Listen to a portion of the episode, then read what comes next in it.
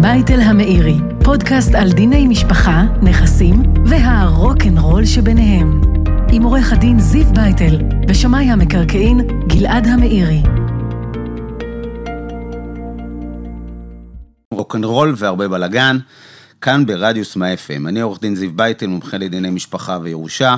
אני גלעד המאירי, כלכלן, משפטן ושמאי מקרקעין, ומדי שבוע אנחנו מדברים כאן בפודקאסט על סוגיות אה, משפטיות, שבהם בני משפחה נאלצו להתמודד עם מקרים כאלה ואחרים, שבמרכזם עמדו דילמות של רכוש ונכסים, ואיך אנחנו אומרים, כאן מתחיל הרוקנרול. בדיוק.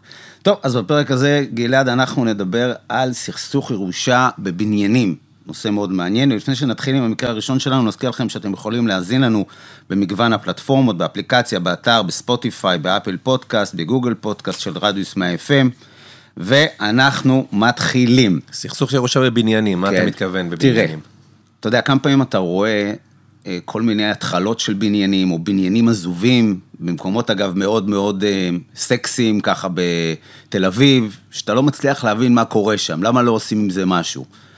יצא לך לראות. כן, האמת, אתה יודע, אתה מסתובב ב- בכל המדינה, אבל בוא נדבר נגיד על תל אביב, שהכל מאוד יקר, אתה. מסתובב, אתה רואה בניין ישן, אה, שכמה דירות, כמה קומות, ואתה אומר, תשמע, הוא שווה המון, הוא שווה, הוא שווה עשרות אז מיליונים, למה? עשרות אז? מיליונים, אז למה? ואתה אומר, נו, למה הוא עומד, מה קורה איתו? הרי כל חודש זה, זה, איתו? זה קופת מרשרשים. אז כן, אז אנחנו, בדרך כלל כשאתה רואה את זה, גלעד, זה סימן לסכסוך יורשים. מה אתה יודע? כשיש בעלי עסקים, אז הם יודעים לעשות את זה טוב, אבל כשאתה רואה בניין כזה, אז אתה תמיד יודע שיש לך אמוציות שמתערבבות בתוך הנדלן הזה. ואני רוצה לדבר דווקא על איזשהו תור, אחד הבניינים שנסעתי ככה, ב, בלי להיכנס יותר מדי ל, לכתובת מדויקת, אבל אחד הבניינים באמת בדרום תל אביב, באזור שם של, אה, של אה, אה, ליד הים, ויש באמת איזה בניין נחמד כזה שתקוע הרבה מאוד שנים, ושם באמת בבניין הזה יש סכסוך מטורף בין יורשים, שלא מצליחים לפתור את זה. כל אחד מושך לכיוון שלו, אי אפשר להתקדם לשום דבר, אי אפשר לשפץ שום דבר, אי אפשר להשכיר, יש כאלה שרוצים לקנות, יש כאלה שרוצים לבנות, יש כאלה שרוצים סתם כי האח שלהם לא בא להם טוב, והבניין תקוע שנים ארוכות, ופה בדיוק מתחילה הבעיה. אז בואו בוא נדבר גם על הפתרון, לא רק על הבעיה. תראה, כשאנחנו מדברים על אה, נכס משותף, ובואו נדבר כרגע על הבניינים, אז אנחנו בעצם אומרים, יש לנו קבוצה שמחזיקה, זו קבוצה של יורשים, והם לא מסתדרים. מה הפתרון? הפתרון הוא בחוק המקרקעין. אומרים לך, כשאתה בעצם מחזיק נכס במשותף, ואתה רוצה לפרק את השיתוף, לך לפעולה של פירוק שיתוף בחוק. מה פירוק השיתוף שהוא ברירת המחדל בבניין, ואני אומר להבדיל מלמשל מגרש, בבניין באנו אומרים לך, ברירת המחדל היא חלוקה בעין. זאת אומרת, בוא תיקח את הבניין כפי שהוא, בוא תיקח את האנשים, ותחלק את זה עכשיו את השטחים ביניהם. אתה מקבל את הדירה הזאת, אתה מקבל את השטח הזה, אתה מקבל את החנות הזאתי. לכאורה פשוט, כל אחד מקבל את מה ש, ש, שמגיע לו פרופורציונית לפי השווי שלו, החלק היחסי שלו בנכס, ובזה נגמר העניין. חלוקה בעין, אתה מתכוון חלוקה פיזית, פיזית, ממש כל פיזית. אחד לוקח נתח. בדיוק. לכאורה פשוט. נכון. איפה הבעיה, וזה מתקשר לאותם בניינים ישנים, מה קורה כשיש לנו הרבה זכויות בנייה עוד על הבניין? זכויות בנייה על הגג, זכויות בנייה אולי שצריך כדי לנצל אותם כדי להרוס את הבניין בכלל. זאת אומרת, כאן החלוקה בעין לא עוזרת לנו. נניח שעכשיו חילקנו עשר דירות לעשרה יורשים, ויש עוד זכויות בנייה לעוד שלוש-ארבע קומות, את זה אי אפשר לחלק, הם נשארים במשותף. מה זה עזר לנו? כלום. עדיין הבניין תקוע, עדיין אי אפשר לבנות אותו, עדיין אי אפשר לעשות בעצם את המהות הכלכלית האמיתית שלו, בטח אם צריך גם להרוס אותו בשביל זה, לא רק לבנות על הקיים. וזה הסיבה שאנחנו רואים את הדברים האלה תקועים. כי גם שכאילו ניסו ופתרו את זה בחלוקה בעין, אנחנו עדיין נשארנו עם זכויות משותפות בזכויות הנוספות. וזה הבעיה שלנו שלא מאפשרת את החלוקה בעין הזאת. אתה יודע, אתה מדבר איתי על חלוקה בעין, זה זורק אותי למקרים, אפילו, אתה יודע, מאוד פנים משפחתיים, אפילו בין גבר לאישה, שנמצאים באיזשהו אה, מבנה של כל אחד יש לו את הקומה, וכל אחד צריך כזה, יש כזה את הסדרות טלוויזיה, שאתה, כל אחד תופס לו קומה, ובית משפט אומר, טוב, אתה תגור בקומה הזאת, אתה תגור בקומה הזאת, ואת השירותים תיפגשו ביחד בשירותים או במטבח. זה- מרב מיכאלי. בדיוק. אז זה בדיוק, אה, אה, אה, מרב מיכאלי, כן, זה קומות נפרדות, אבל אבל פה באמת... שמה זה נעשה בהסכמה. בדיוק, אז, לפעמים זה לא נעשה בהסכמה, ובאמת זאת שאנחנו, זה, זה מצחיק ולא מצחיק, כי זה באמת השיקול דעת של בית משפט, האם יש היתכנות לחלוקה כזאת בעין.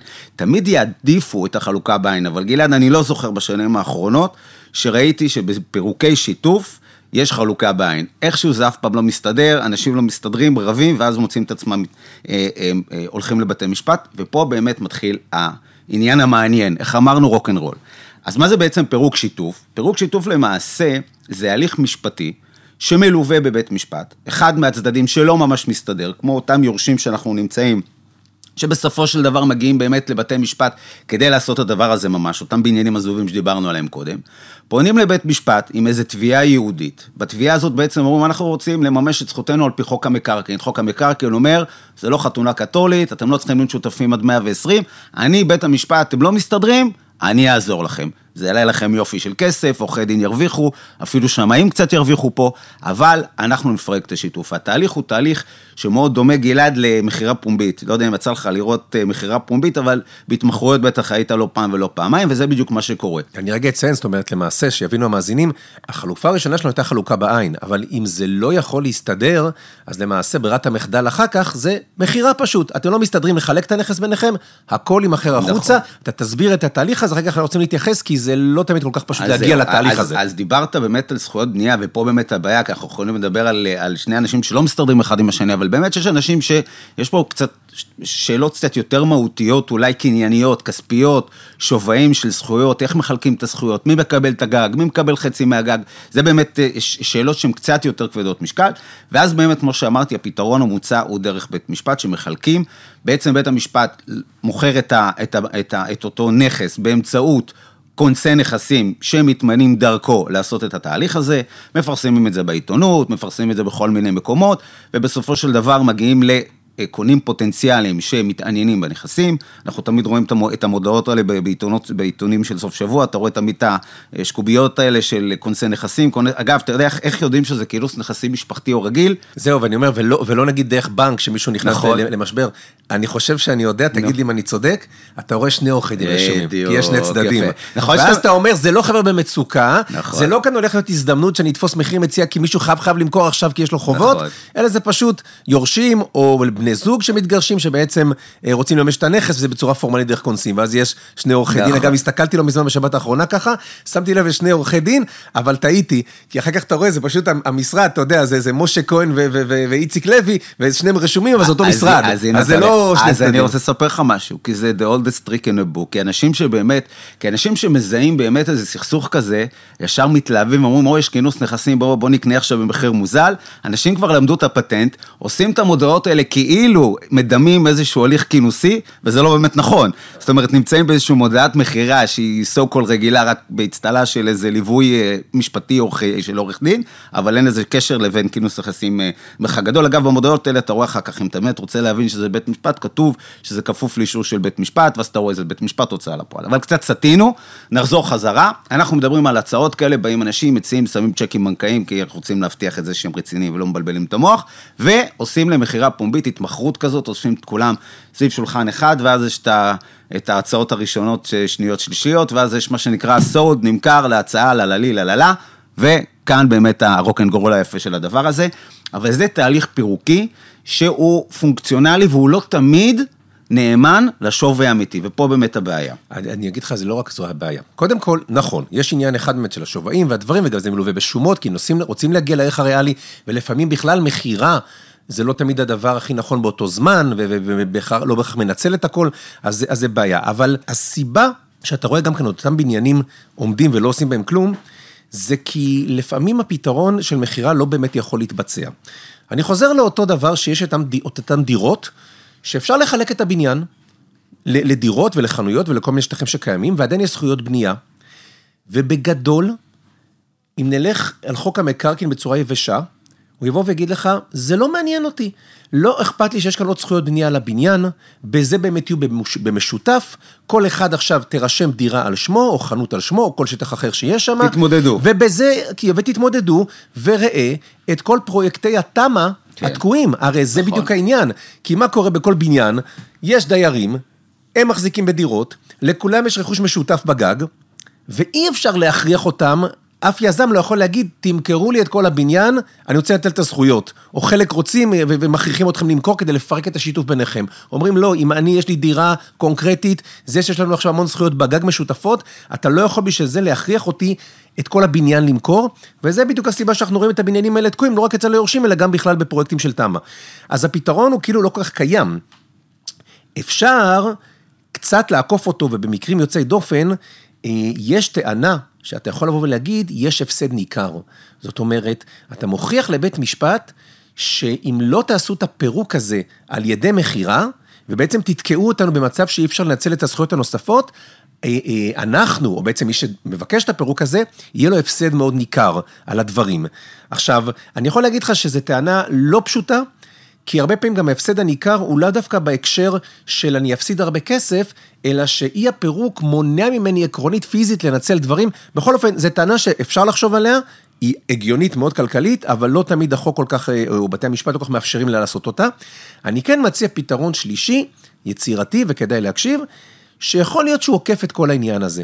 כי איפה הבעיה שלנו נולדה? אמרנו שיש לנו כאן קבוצה של אנשים, קבוצה של יורשים, שרוצים לנצל כל אחד איך שבא לו את הנכס ולא להתערב לשני, ויש עוד זכויות בנייה נוספות, ואז יכולים אולי לבוא ולהגיד דבר כזה, בואו נעשה חלוקה בעין, אתה תקבל דירה ואתה תקבל דירה ואת תקבלי חנות, ויש גם את הזכויות הנוספות, ובהם אנחנו לא נהיה במשותף, אלא אחת מהדירות, אחת מהחנויות, נצמיד לה את כל הזכויות אליה, וזה יקבל מישהו ספציפי.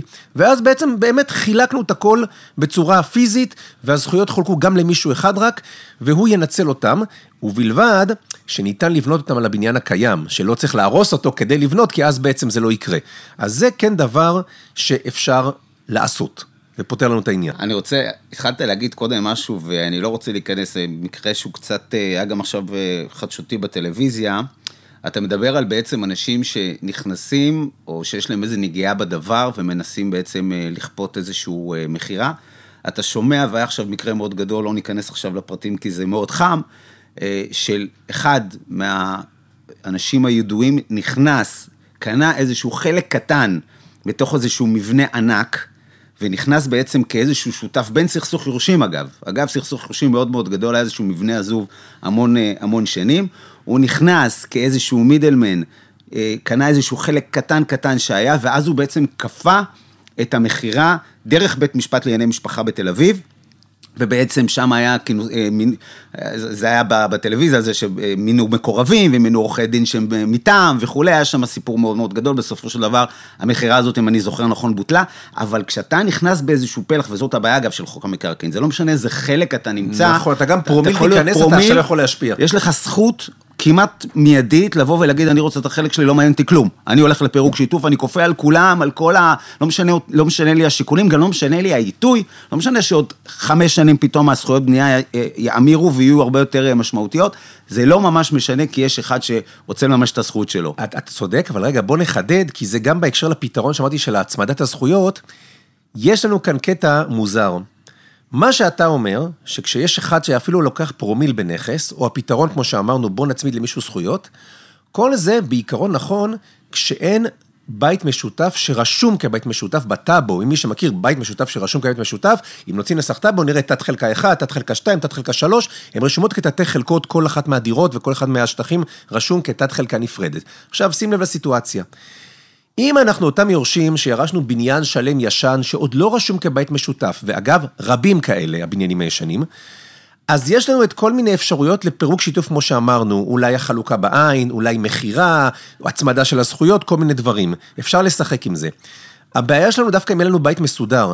אם אנחנו ירשנו בניין שהוא רשום כבית משותף, ובעצם נניח שאנחנו עשרה יורשים, וכל אחד מאיתנו למעשה ירש עשירית בכל דירה. במצב הזה, בכלל אי אפשר לעשות פירוק שיתוף בחלוקה בעין, קודם כל, כי בכלל כבר הבניין מחולק בעין, יש לו תתי חלקות, אז הבניין חולק כבר ברישום, אז בכלל האופציה הזאת לא קיימת. עכשיו תגיד, בסדר, עזוב אותי מחלוקה בעין, אני רוצה למכור אותו. אני, כמו שאמרנו, יש לי עשירית, אני אכריח את כולכם למכור. אבל איפה יש לך עשירית במה? בכל דירה ודירה יש לך עשירית, וכל דירה היא נכס בפני עצמו. אז אתה, אתה תוכל להכריח אותם למכור את הדירה. הראשונה, ואת הדירה השנייה, ואת הדירה השלישית, אבל אתה לא יכול להכריח סתם למכור את כל הנכס כולו. זאת אומרת, זו סיטואציה הרבה יותר בעייתית. ואז אתה לא נכנס לשאלות של... מיסויות, מיסויות פה, אתה לא בעצם... תכף נדבר על המיסויות, אבל, אבל הדבר הזה בעצם בא ואומר, וכאן ניתן איזו הנחיה, כשאתה בא להוריש בניין שלם, שים את הדעת איך הוא רשום. אם הוא רשום, אם הוא לא רשום כבית משותף, אלא הוא מכלול שלם, אז יכול להיות שאתה יכול באמת לתת לכולם חלק יחסי ותשברו את הראש. יהיו, יהיו פתרונות. תמיד כדאי גם לפתור אותם קודם, אבל, אבל יהיה להם פתרונות הגיוניים. יחלקו את הבניין או שימכרו את הכל, יהיה מה לעשות. אה, או להצמיד זכויות. אבל אם אתה אה, כבר נותן ירושה של בית שרשום כבית משותף, עדיף כבר שתבוא ותגיד, הדירה הזאת לך, הדירה הזאת לך, תגיד מה יעשו עם הזכויות הנוספות, תגדיר מה עושים עם הדבר הזה. אה, דיברנו פעם על מנהל עיזבון, לפעמים זה הסיבה למנהלי עיזבון, כי אתה אומר, זה נכס מורכב, הוא מסובך, יש כאן פוטנציאל של זכויות, של דברים, אני לא סומך שתסתדרו ביניכם, אני לא סומך שתדעו מה לעשות, יהיה מנהלי עיזבון שיחליט מה עושים עם הבניין הזה, אז זה הפתרון. אבל שוב, הפתרון. אני רוצה להציק לך עם הנושא המיסוי ולא סתם, כי נושא מיסוי לא, לא, לא פעם ולא פעמיים, הוא, הוא, זה בעצם העניין שצריך לקחת אותו הכי בחשבון. אז נושא מיסויי, אם ניכנס רגע... אם אתה הרי מוכר אה, פלחים, פלחים, פלחים, אז אתה בעסקאות עתידיות משלם יותר. רגע, תראה. אנחנו לא נפתח את כל נושא המיסוי כי זה באמת נורא מורכב. אני כן יכול להעיר את התשומת לב, שכשאנחנו מדברים על בניין מגורים עם עוד זכויות בנייה נוספות, צריך להבין שדירות המגורים נהנות ממסלול מס נמוך בדרך כלל, של דירות מגורים, אפילו פטורים לפעמים. זכויות בנייה, יש להם מס רגיל לחלוטין, שיכול להגיע גם ל-40% מס. ואז כאן מתחיל השיקול דעת של היורשים של מה לעשות. כי אם הם סתם ילכו וימכרו ככה, עם כל הזכויות, על הדירות הם ישלמו מס נמוך, אולי, על, על הזכויות בנייה הם ישלמו בדרך כלל מס מאוד גבוה. אם הם יעשו חלוקה ויצמידו זכויות לכל מיני דברים, הם יכולים לשחק עם הדברים האלה. אני לא אתחיל להסביר את כל הפטנטים, אנחנו תבואו, נלמד אתכם, אבל למשל... אבל יש תכנון מיסוי, יש, לא... בדיוק, יש מה לעשות עם הדברים האלה. זה מה שצריך לדעת. נכון. לא הולכים על עיוור ואומרים בוא נמכור. נכון. תראה, אני יכול להגיד לך על כל נכס. להגיד על עיוור אני אמכור בלי להבין את השלכות מס זה אף פעם לא, כן. לא טוב. לא, אבל, ו... זה, אבל זה נכסים מורכבים עם המון שיקולים. נכון, ו- ובעיקר כשאנחנו מדברים על הסיטואציה שמצד אחד יש לי בניין שיש בו דירות מגורים, ומצד שני יש לו זכויות, זה ממש ללכת ולראות איך עושים את ההלחמה הזאת בצורה טובה. כי הזכויות דופקות אותנו, מה שנקרא, והדירות זה, זה במסלול נוח, וצריך לראות איך יוצרים את זה, שהדבר הזה יהיה אם לא כולו, אז רובו במסלול נוח, וזה יכול להיעשות לפעמים על ידי מכירה בצורה מסוימת, או על ידי חלוקה בצורה מסוימת, וכל מיני דברים כאלה. אז שם צריך לתת את הדעת, וזה חלק מהתכנון שהם מראש עושים. אחד הפתרונות שאנחנו למשל מכירים, שיש נכסים קצת מורכבים, ויש כמה דירות או כמה נכסים, וצריך לעשות למשל תשלומי איזון ביניהם, אתה רוצה לעשות את ההשוות, יש לך עשר דירות לצורך, לצורך הדוגמה, ואתה רוצה לחלק אותן למשל במחצית, אבל זה לא בדיוק על השקל, אז באמת מה שאנחנו לפעמים רואים, שמוכרים דירה אחת, כדירה שהיא פטורה ממס לצורך העניין, והתשלומי איזון באים ממנה. אחר כך באמת אתה יכול לעשות את החלוקה הרישומית. נכון, אתה יודע איך אנחנו קוראים לזה בענף הרבה פעמים? דירת זבל. זה דירה שאתה כאילו את כל העודפים זורק אליה, והיא תימכר, אין מה לעשות, היא תהיה לאיזון, וכל הדברים יהיו זה. אתה יודע, והסכסוכים האלה, זה נורא מדהים, עד כמה כאן יש אמוציות בדברים האלה, אתה רואה את זה כל יום, אני תמיד רק מסתכל בשיקול הכלכלי הקר, ואנחנו לפני כמה שנים אה, טיפלנו בסיטואציה כזאתי, של חלוקה בעין של איזה נכס ישן בפלורנטין, ששייך לאחת, אני לא אגיד שמות, שאחת המשפחות העשירות בישראל בעולם ההייטק.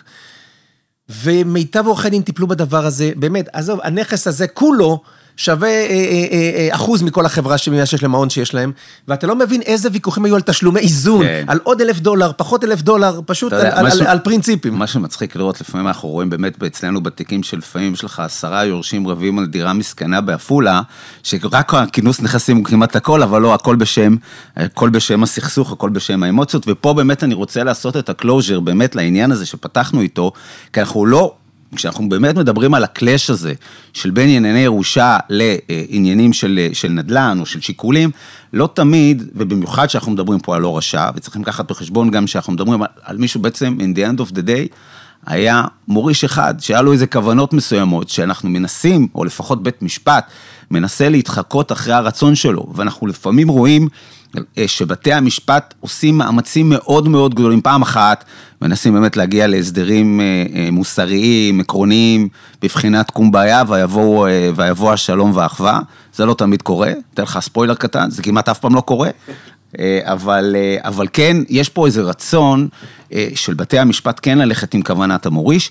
ולפעמים אתה רואה גם שבית משפט ממש, אני לא רוצה להגיד מכופף קצת את, ה, את החוקים ואת הפסיקות כדי שזה יגיע לשם, אתה רואה כל מיני פסקי דין יצירתיים, יש כל מיני דברים של צוואות סתומות או לא ברורות, ובתי המשפט יוצקים פרשנות משלהם לכוונת המוריש כדי להנדס בעצם את העניין לפי מה שהם רואים כבירות הנם, יש פה אקטיביזם שיפוטי מצד אחד, אבל מצד שני יש כן איזה רצון לפחות, שא', אנשים יסתדרו גם אם לא ממש מבינים שזה מה שהם צריכים לעשות, וגם אה, אה, קצת, אה, קצת להתכתב עם מה שה... מוריש רצה. זאת אומרת, אתה בעצם בא ואומר, שלמרות שאנחנו מדברים על נושא של מקרקעין, וכל הנושא של פירוק שיתוף במקרקעין הוא נושא מאוד... אה, טכני. טכני וסדור בחוק ובפסיקה. נכון. אתה אומר, כל זה כשאתם סתם שותפים, משקיעים, אבל כשאתם עכשיו הפכתם להיות בני משפחה, כל שכן יורשים, יתחילו כבר להכניס כאן עוד איזו התערבות בעצם של דיני משפחה, עוד התערבות של דיני משפחה, שיכול קצת לשנות את התמונה לעומת המקרה הרגיל שקיים בשוק החופשי. אתה יודע, אני לפעמים רואה, אנחנו מתעסקים הרי בענייני משפחה, ואתה יודע, לפעמים אתה רואה עורכי דין אזרחים שנכנסים, בגלל שהם מתעסקים פתאום באיזושהי ירושה של... ולא מבינים מה, מה, זה, מה זה המצאות האלה פתאום. אנחנו שונאים לבוא לבית משפט ידי משפחה, זה מערב פרוע פה, אנחנו לא מבינים מה קורה, ואנחנו לא יודעים אנחנו נכנסים ממשהו, לא יודעים איך יוצאים. אני ממש מבין אותם, כי זה באמת שם איזושהי מערכת של הטוב ולרע. מצד אחד היא לא, היא לא, היא, נור, היא טכנית, כי באמת יש פה אנשים שנפגעים, וזה המהות של בית משפט לענייני משפחה. מצד שני, כל, אה, כל אה, שופט מלך, לא רציתי להגיד משהו אחר, אבל כל אחד יכול לעשות מה שהוא רוצה. ואגב, זה אחת הבעיות שקיימות, אין אחידות, לפעמים אתה יכול להיכנס לאולם א' לקבל פסק דין אחד, להיכנס לאולם ב' לקבל שתיים. באמת יש פה איזשהו לפעמים תוהו ובוהו בעניינים האלה, במיוחד שכסף, משפחה, נדל"ן מתערבבים. טוב. היה מעניין, נכון גלעד? כן, בהחלט. אמ, אז עד כאן הפרק הזה, פרק נחמד, ותודה רבה שהייתם איתנו, אנחנו מזמינים אתכם להאזין לפרקים נוספים של בייטל המאירי במגוון הפלטפורמות של רדיוס מאה FM, באפליקציה, באתר, בספוטיפיי, באפל פודקאסט, בגוגל פודקאסט, אנחנו גם מעדכנים בפייסבוק, באינסטגרם של רדיוס מאה FM כשעולה פרק חדש, אז אתם מוזמנים לעקוב. אה, תודה בייטל. תודה מאירי, תודה לצוות הנפלא שלנו פה. בהחלט, ואנחנו רוצים אה, לעבור לשיר הסיום שלנו, ואני אזכיר שאפשר לשמוע אותו רק בפלטפורמה של רדיוס, אז תישארו ברדיוס. מה היום? ואנחנו היום דיברנו על יורשים, וכל אחד רוצה שזה יהיה שלו, ואומר, אז יכול להיות שזה הנכס הזה יהיה שלי, אז לי היה ברור שהשיר אה, You could be mine, של אנד רוזז, אנחנו נלך על זה. כן.